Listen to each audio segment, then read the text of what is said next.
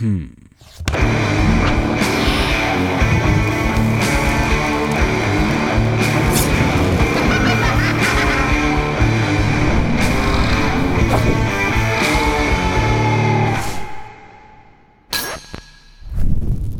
Zdravo svima, petak je, u trenutku kada snimamo ovu epizodu, to jest, poslednji dan Sarajevo Film Festivala i radimo poslednji intervju u okviru projekta Agelasti Sarajevo Film Festival koji je ovog puta podržao Mastercard.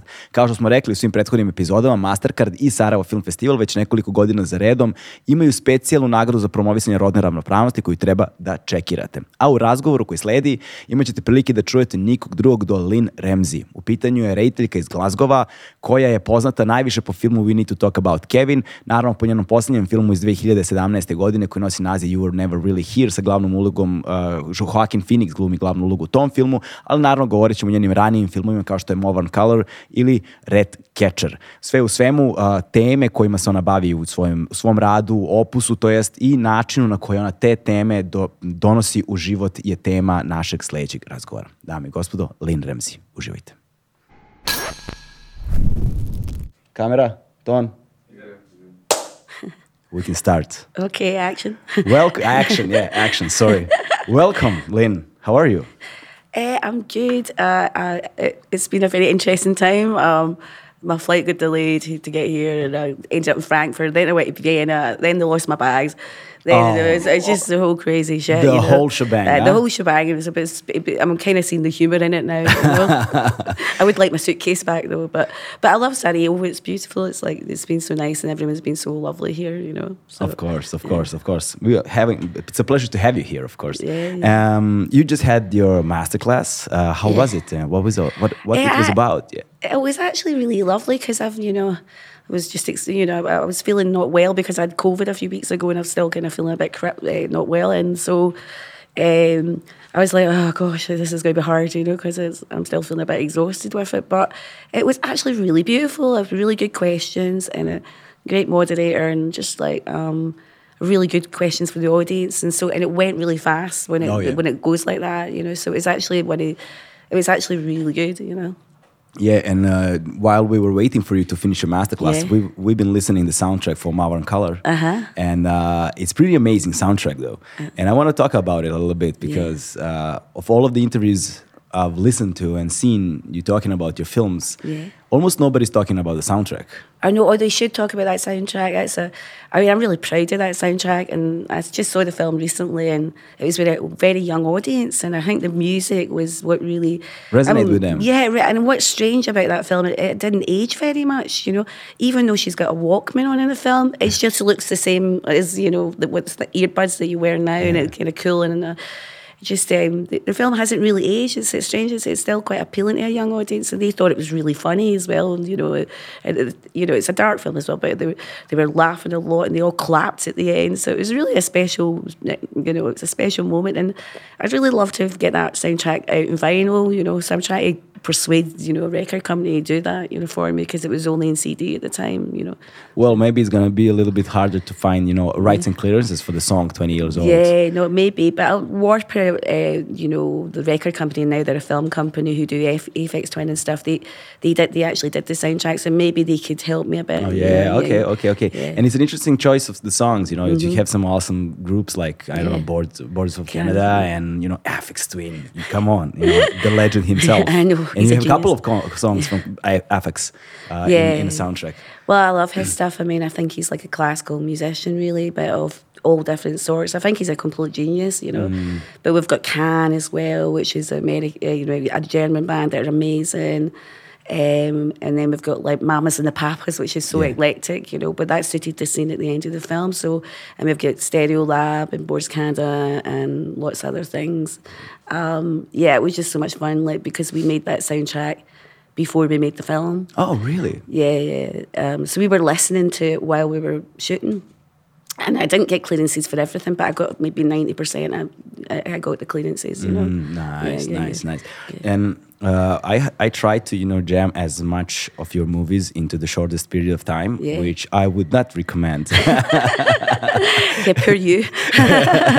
it's quite difficult to digest all of it all over again. Yeah. But there's a value to you know watching movies second time or third time. Yeah, some some some of the, those movies, and you know, uh, there are certain themes and topics that go throughout the, your whole body of work that I would like to you know discuss with you. Yeah. And um, for exa- for example, well, we started talking about Morvern Callar, you know, and Yeah. then you have this uh, I don't know overlaying theme of grief and the way we're handling the grief or Yeah. do not handle the grief or escape from it and you know how do you look Mm. uh, what, what do you think of the grief grief as a, as a process and uh, how did it made it to the film well, life is grief, you know.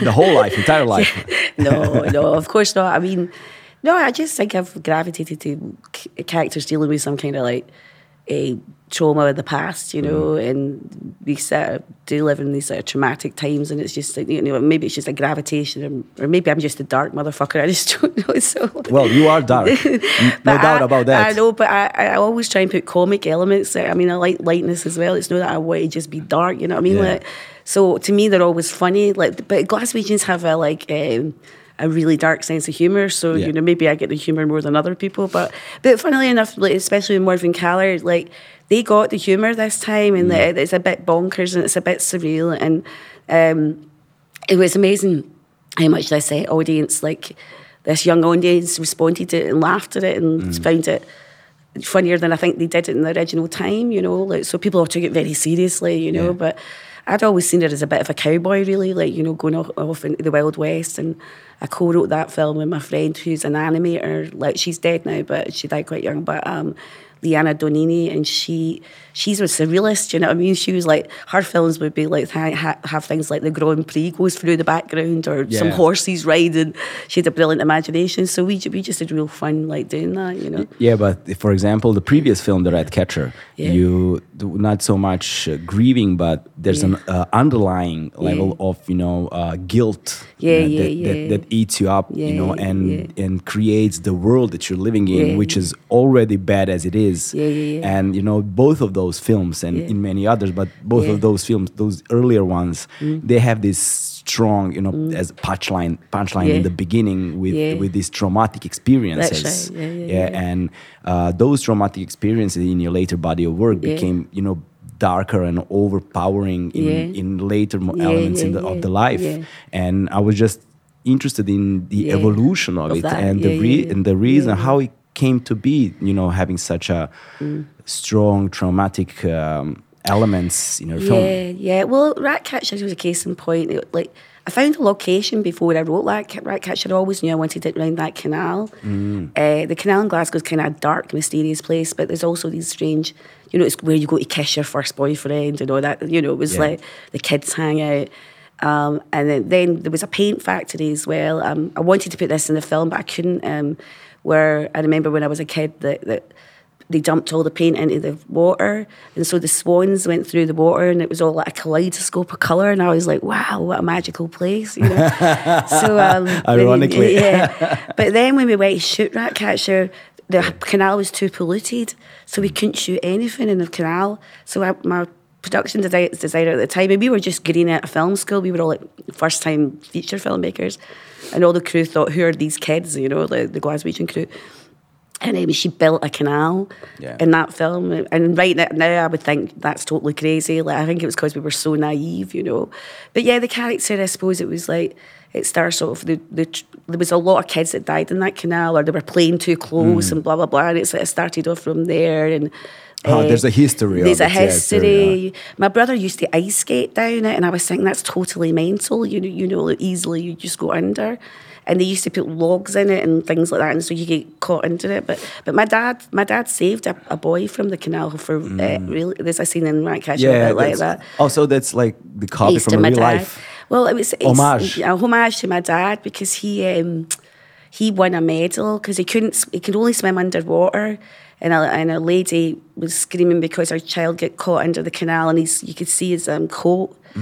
And uh, so she came and knocked his door, and he was just he was doing a night shift. So, but he got up, so he was in his underpants, and he had to climb over all this. His feet were all cut with glass running through to get this kid. Um, and he got a gold medal from the Lord Pro Office for saving this kid, but he couldn't actually swim above water, so it was kind of pretty wild thing to do, you know. Yeah, Well, when it when we talk about Ratcatcher, for example, I think that there's the most of you in that film in particular. Yeah, probably, Not, just yeah. because it's Yeah, local, yeah, it's yeah, Glasgow yeah. and, and stuff. You know, it's it's it's also your first film. In, in a way, you know. So First films are always kind of like a stamp of you, you know. Yeah. I mean, I really, I, it's, I mean, it's really close to my heart, and the kids in that film really got me through, and they're all non-actors, and it was a, I mean, it was a terrible film to make because you know it was my first feature. I'd never, you know, I thought it was too many crew. I was trying to move away from everybody. Like I'd never, I'd only done a fifteen-minute silent short before, and it was really co- me and the DP were traumatized because it rained the whole time. Okay. And uh, we could, we didn't have weather. Well, we did have weather cover, but this guy wouldn't use it, and the bond came down. And we, I mean, by the end, we were like, "Oh my god, that is the worst shoot we've ever been on." But the children and the actors really got me through because I was like, "Oh my god, I don't know if I want to make feature films after this." But you know what I like about your films when you look at when you look at Mm-hmm. Them in, in, in succession, Yeah, Uh, it's um, uh, you have really a lot of close-ups of Yeah. actors, and Yeah. within the close-up, they change their emotions. yeah, yeah. So, but when we talk about your latest film, for example, Yeah, yeah. it's not a, such a it's not such a big deal with Yeah. Joaquin Phoenix. no, no, no. But if we Yeah. talk about the children, for Yeah, example, in the first film, Yeah, no, it's a completely different story. Yeah, yeah, yeah, Now, how do you how do you achieve that? Yeah. Well, I used, I loved working with non-professional actors a lot when I when I started because we didn't have any money, so I would just street cast. You know what I mean? Yeah. Like, and then I'm, I'm, I'm- my my brother was. And I remember I got him to pose for something like you know, like just because I, didn't have an actor for a shot, and then I realised he, he was amazing. So he was in Gasman, um, and he was like, "This is taking too long." He was like, he didn't understand why everything took so long. You know, like, um, and he, his daughter was also really, really good. And then I worked with Tommy Flanagan, who was a dad in Ratcatcher, but he was an actor, you know. But Yeah. he'd done like Face Off and stuff like that. And then I worked with Samantha Morton, who's like a non-professional actor anyway, because she just goes into a trance, you know. Um, so she and she, she worked with, the, the, you know, uh, the other girl, Kathleen, who's in it. Yeah, um, she'd nev- never done anything. She'd only been a barber, a gentleman's barber. So there was a non-actor, and then there was an actor. Like it was quite interesting the dynamic. And then I worked with Tilda Swinton, who's just awesome. Yeah, Yeah, she's yeah. just awesome. She's actually the godmother of my uh, daughter, you know. Um, and John C. Reilly's the godfather of my daughter, you know, because he's awesome as well, you know. So Yeah. yeah. Well, and then it was Joaquin, obviously. Yeah, Yeah, Joaquin. We'll, we'll talk about Joaquin yeah, later yeah, on. so don't worry about it. We'll get that. We'll get there. But but what I'm, what but it seems like that those first two movie films, you know, they set it up. For example, your aesthetics. They set it up certain certain themes that Yeah, you're yeah. obsessing about. yeah. The the this element of darkness that goes through all of it. Also elements of. All of elements of humor, you know, elements of comedy, strong one though, harder to see, but they are there. yeah, they are there, they are there, yeah. And uh, and and this and all of this package, the, the certain aesthetic and the way the violence is shown, or to be precise, not shown. Yeah, yeah, yeah. Within the film, but it's over, uh, but it's uh, ever present. Yeah, yeah. In it, and there's this, you know, uh, type of. Su- suspended violence in Yeah, the atmosphere of the films, even though you don't explicitly see them, kind of sets up the stage for your, you know, arguably the greatest film you've done in your career, which is we need to talk about Kevin. Yeah, yeah, yeah. Which explores something that over time turns out to be, you know, topic that we need to talk about more. It Yeah, seems it seems like as yeah. societies. Yeah, and yeah. recently in recent history we also had here a bunch of, you know, similar Yeah. situations going on. And uh, and that kinds of, you know, Mm. makes this film relevant even though it's been what, 13 years now? Yeah, yeah, yeah. So I want to talk about Kevin. All right, okay. Let's talk about Kevin, right? Right. Um, so uh, the what was the basic, the premise, the idea that started uh, this whole journey of the film? Because I know that film took a long time in pre-production. Well, it was. I mean, first of all, it was a really hard book to, have because it was a book of letters, you know, like um, uh, Eva writes to Franklin, um, and it wasn't visual or anything like that that much. It was, but it, it was really dense and it's a brilliant subject. Martin, Martin Lionel Shriver's a brilliant writer. But I, so I was sent it through my agent who actually rep, represented uh, Lionel too. And I think a lot of directors directors had turned it down because they were saying you can't adapt this; it's too, it's unadaptable. Um, but then, so I think I was last in line or something, and I was like, God, this is. I read it in one night, and uh, but it's a really dense book. It's like five hundred and something pages, you know. Um, and so we had. Uh, my dad had just passed away when I was in Scotland, and I got this phone call from a production company, and they were like, I don't know how, but they got a hold of the script, and they were like, we want to make this, we want to make it for whatever, blah blah. You can have whoever you like in it. And, and then the financial crash happened. Mm. And they just wanted to do like Twilight or something, you know? Oh like, yeah, yeah. That, yeah, it was the time of yeah, Twilight Saga. Yeah, yeah, yeah. yeah. You just so, reminded me of, of that. I know. So they put their eggs in the Twilight basket, and I was like, but I'd wanted to cast Ezra, and I'd been to America, and I saw these DPs, and I was, I was in prep, you know, and they pulled it because of the, it was a crash, a financial crash. So I was like, oh my god, it was so depressing, and, and it was a bit longer, like you know, um, it was only, but it wasn't that long. It was 120 pages, and that basically I went to Stromboli, you know, the island near Sicily, which is a volcano, mm-hmm. and I and I started free diving, you know, because my friend was a free diver, and I lived in this blinking hill. You know, this guy that was renting this place told us it was like five minutes up the hill. It was actually right next to the volcano, and there was bits of volcanic rock coming out, and it was like you had to climb up there, and it was like this real rugged kind of thing. I've still got cactus things in my fingers, but I wrote it in this house, being hardly any electricity, you know. Mm. Um, and I wrote it. I just condensed it all, you know, um, and uh, so and I almost had to cut it on paper, and I got it down to like ninety-two pages. So because I thought there's no way I'm not going to make this film. So if, I, if I've got to make it for less money, then I'll find a way. But it was really challenging because it was almost like editing in paper, cut to here, cut to there, mm. you know. Mm. Um, but I, I, learned a lot by editing in that film. You know. Well, did that influence the fragment part, the fragment, fra fragmentical nature of the film?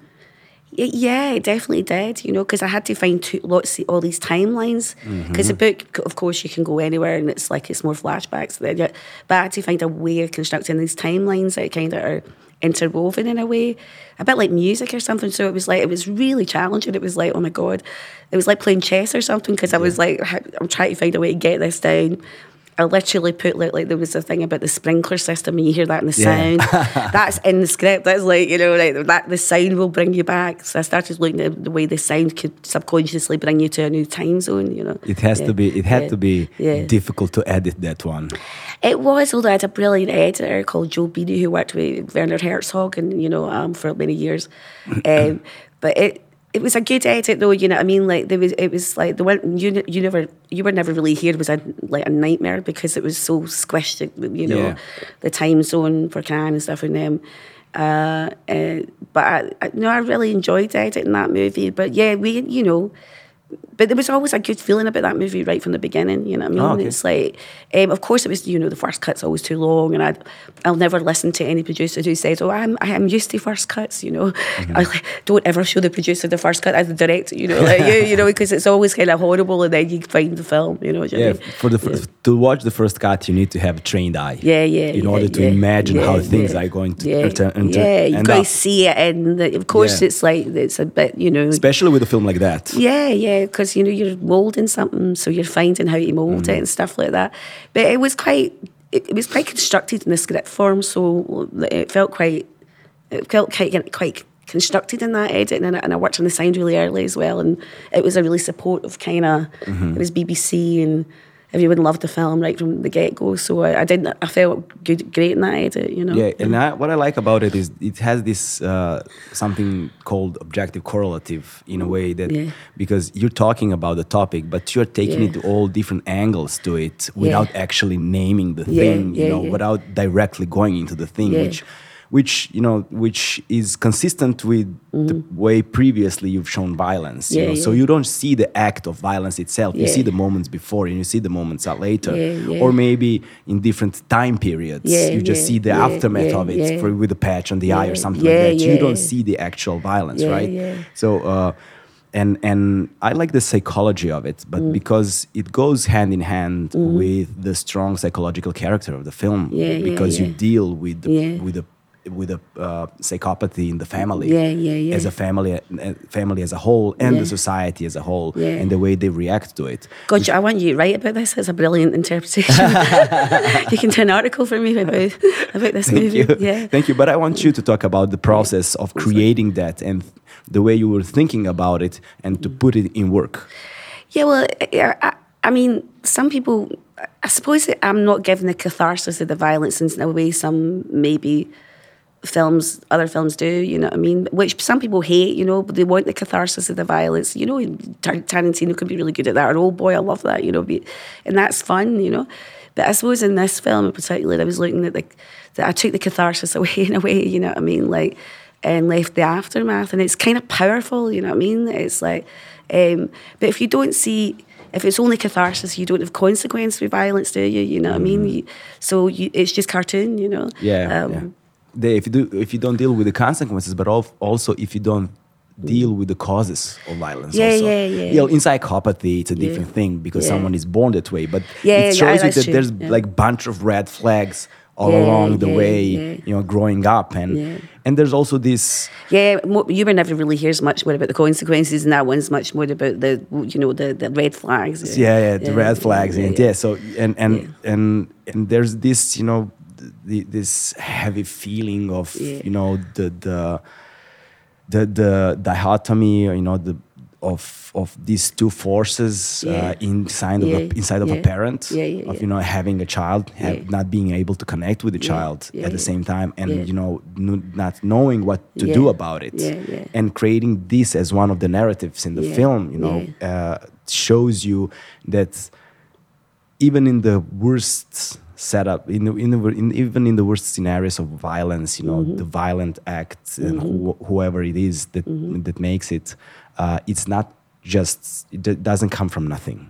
You know, there's an evolution to it. Yeah, there definitely is, and then it's not black and white. I mean, you know, even though Eva in that movie, you know, she sort of resents that she's lost her life as a traveller, and she kind of resents the baby, and then she's not into the goo goo gaga. She's just not that kind of mother, you know, um, and so that she wonders if that resentment is part of what happened. Why, Yeah. why it's more complex, you know what I mean? And then Franklin plays plays a part as well, the husband, because he doesn't want to see the violence, the vi- and then the violence comes to him in the end because he wants to be blind to it, you know. Yeah, yeah, Yeah. and then you well, for, and then we take your first two films, and for, in Ratcatcher we have this uh, feeling, overwhelming Yeah, yeah. film of guilt, and in you know Morvern Callar we have this uh, theme of grief, and Yeah. in in Talk About Kevin we have both of those things Yeah, that's right. presented. God, yeah. God, you, you should write a book. Yeah, no, no, no, no, Yeah. no. Thank you.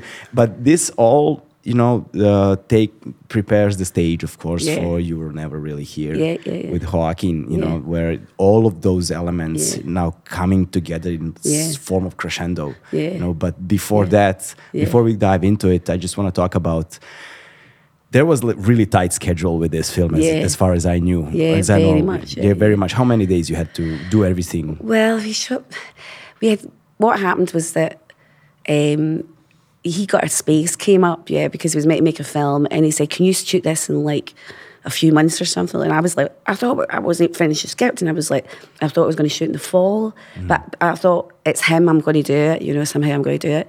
So the time I get to New York, I've only get, I've got so little prep. And I'm looking at 140 locations. I'm casting for scratch. Scratch. I don't do any soft prep, which you normally do, so you're kind of a bit more prepared. I'm still write, rewriting the script, and because they're t- they, say the financier just blanks, outrageously kind of blank. Just blank, the blank statement was, "You've got 28 days and that's it." You know, so it didn't relate to how long the script was. So I had to cut the script. So, for instance, the scene the, with the surveillance cameras and stuff like that, that I'll need a few hours to, to shoot that. So I knew I, could, I knew I couldn't do like the big ballet thing, old, old boy or something like that. Oh, yeah, yeah, yeah. I couldn't do that. I had to think about it in a different way. But I suppose I, it, you know, it made me really inventive. I was like, okay, I've really got to think about this because I'm not even going to try to shoot some big action sequences in two hours. It's just not going to work. You know, I'm experienced to know enough that that won't work. So you need to be clever, you know. Yeah. Uh, but I saved some days for underwater stuff, and because they don't have a tank, you know.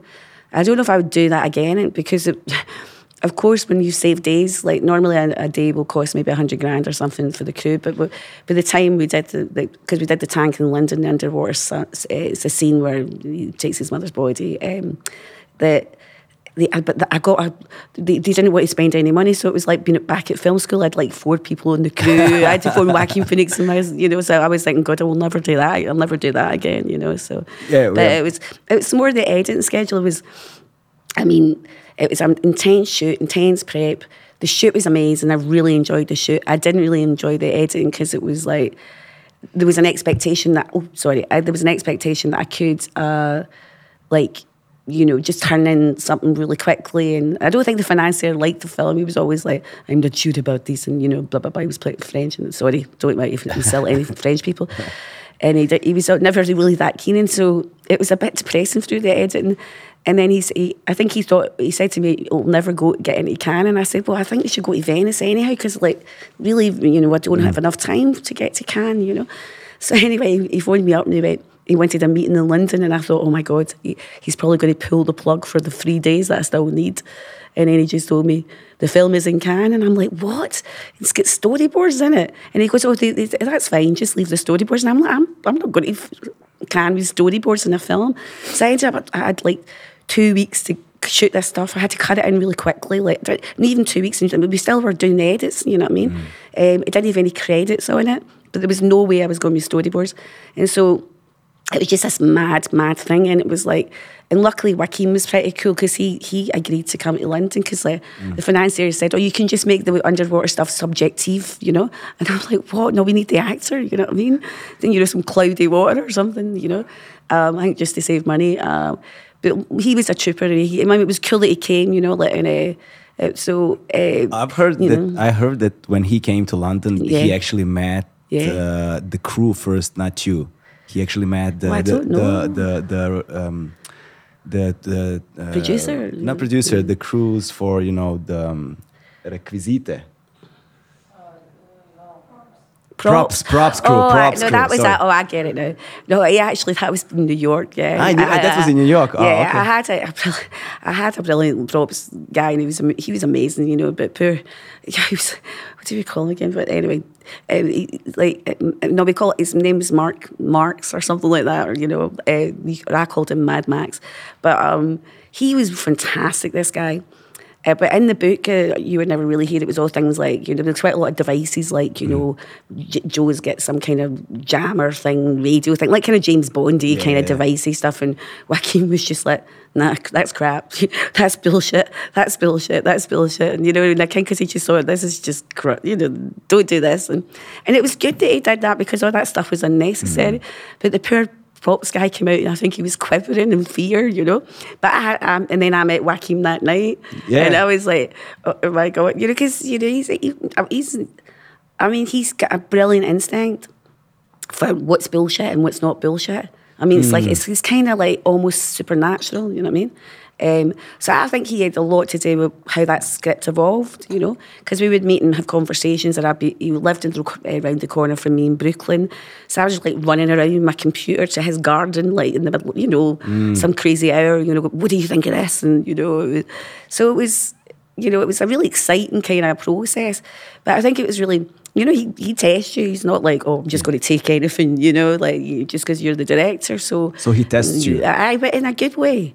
Ah, okay. In a good way, it's like in a, it, it's intimidating. It's you know, it's like totally terrifying. So I, I, at first, I was like, oh my god, you know. But then what he was doing was quite question, questioning the things that like didn't hold water in the scripts because the script wasn't really, you know, it wasn't. Script, script was like ninety pages or something. Yeah, like yeah, yeah, But it was like I have not. It was probably hundred and something before I went to New York, but I had oh, to cut it. Um, so he I think, you know, the things that had been in the book that I'd kept in the script that he sort of smelled as if a bit like inauthentic or not. You know what I mean? Developing the character in a sort of different way that he really he really sniffed stuff out, you know. Mm. So actually, in the end, I really appreciated that. It was like I, I owe him for that, you know. Yeah. Okay. Yeah, okay. yeah. We don't have much time left, Alright. uh, but and I want to talk about uh, Yeah. about a bunch of things with you. So I'm just gonna go to the main Alright. topics of the latest Alright. film. Right? Uh, you were never really here. First the one, the first thing that I'm interested in, the you have uh, accented the relationship between son and mother, Yeah. which is really interesting Yeah. and one of the strong points of the film. Yeah, I think so The too. way they the way they connect and their relationship, the dynamic of their relationship is very interesting, especially with the uh, with, with, with the Hitchcock homage or in, in the moment, like with the Psycho, right? Uh, the one thing, but this thing reflects.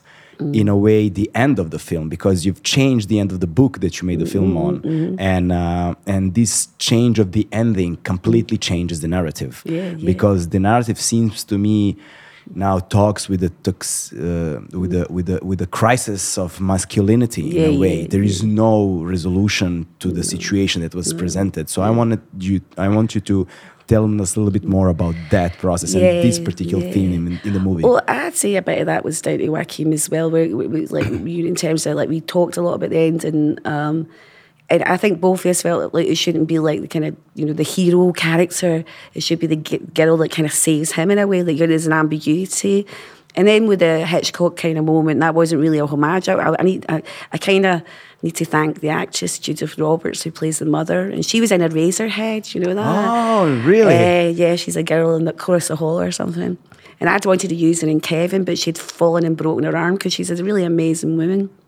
And uh, the two of them just had a bit of a rapport together. They, it was really beautiful to watch. Um, and she just, I said, when we were doing that scene, I I said, what would you be watching on television really quickly? You know, like she's like, oh, the birds, or no, the birds or something, whatever it was, whether it was psycho, psycho, Psycho, Psycho, Psycho, yeah. And it, so it was hard that came up, and I, wa- and I was like, that is genius, you know, like, so it was just, uh, so, there was that's a- responding to that. so, there, so there was actually a lot of improvisation. Uh, Well, there wasn't loads. It was because I couldn't. I didn't have enough time to improvise too much. Yeah. But luckily, he just does one takes. You know, I mean, he's you don't need to do two takes with Joaquin Phoenix. You know, and if he does another takes, what take what he does is he does something completely different and unexpected. You don't know what's going to happen. Like there was one time I remember we were shooting in the. That this kind of, you know, like in the sort of brothely place or whatever, and he, he just fell in the stairs as if he would like he narcolepsy about like River Phoenix, you know what I mean? Like, and it was just we were all like, did he have a heart attack? But he just was trying something. And but what what's so brilliant about that is that you've got all these choices in the edit to play it really funny or play it really dark or play it. It's just like genius, you know. The hairs in the back of my neck stood up sometimes when I was watching him because he's so good. So that was that that helped with the time frame. Yeah, yeah. And and uh, the thing that we talked about uh, Yeah. during this interview Yeah. uh, was, you know, the way you do not show violence. You Yeah, know? And I think that the last scene Yeah. Completely encapsulated this Yeah, yeah, because yeah. you completely it just like it's it's it seems like a part of the edit is missing out. Just Yeah, yeah, completely abrupt Yeah, cut, cut. abrupt cut, abrupt cut, and then you see this governor or whatever he Yeah, yeah, is completely sliced open, yeah, and then you have this Yeah. one shot scene of Him having a crack up. Yeah. it's it's insane. I know. Well, I, well, that was one of the scenes when he did that. I thought. I mean, what he did this weird thing where it looked when he was shaking, it looked like the camera was doing some different speed, and I was like, "What? That's insane!" It was kind of supernatural, but what in a performance! And then, you know, it just. But I mean, a lot of things came to me when I, I was in, in Santorini. I used to live in Santorini. Like, I had the idea where he, he kind of has a kind of suicide bit at the end, but it's he's had the ideation all through, but he doesn't do it, and no one gives a shit anyway, you know. And he's really mm. lost. So I, it was. And I, and I told Jonathan Ames that, and he was like, "Oh, it's a good." It just came. It was a flash thing, you know. Sometimes when you get a flash and it's really good, you know, and it's like it doesn't happen often, but it's good when it does. So yeah, it's like I, I was looking at doing a lot of post violence. I mean, sometimes like necess- it's like necessity is the mother of invention. So you've got like, you know, I knew I have to approach this in a different way. So I thought I'll do it where you see the aftermath. You don't really see, and it, people were going, "It's so violent," and I'm going, "There's nothing. There's no violence. The most violent things in a bloody CCTV camera." Yeah, so, the, you know o- I the only mean? violence is, in yeah, yeah, you yeah, know. yeah, yeah, yeah, Yeah, yeah. Unfortunately, we don't have enough time. All right, Uh, don't worry. It's such a pleasure to talk to you, though. Thank you, thank you. I hope you. we and we do it again. You know. Yeah, I'm hoping to do it so again too. yeah. Thank- right, so thank you. Hope you enjoyed Sarajevo. This Yeah. is the last day of the festival. Yeah, yeah. And you know, I can you- chill out now a bit. Well, Of you know, course. apart from the red carpet thing tonight, I can chill out a bit. Thank you for being here. Cheers. Thanks very much. Bye. Yeah. Bye. Good. Bye. Bye. Bye. Hmm.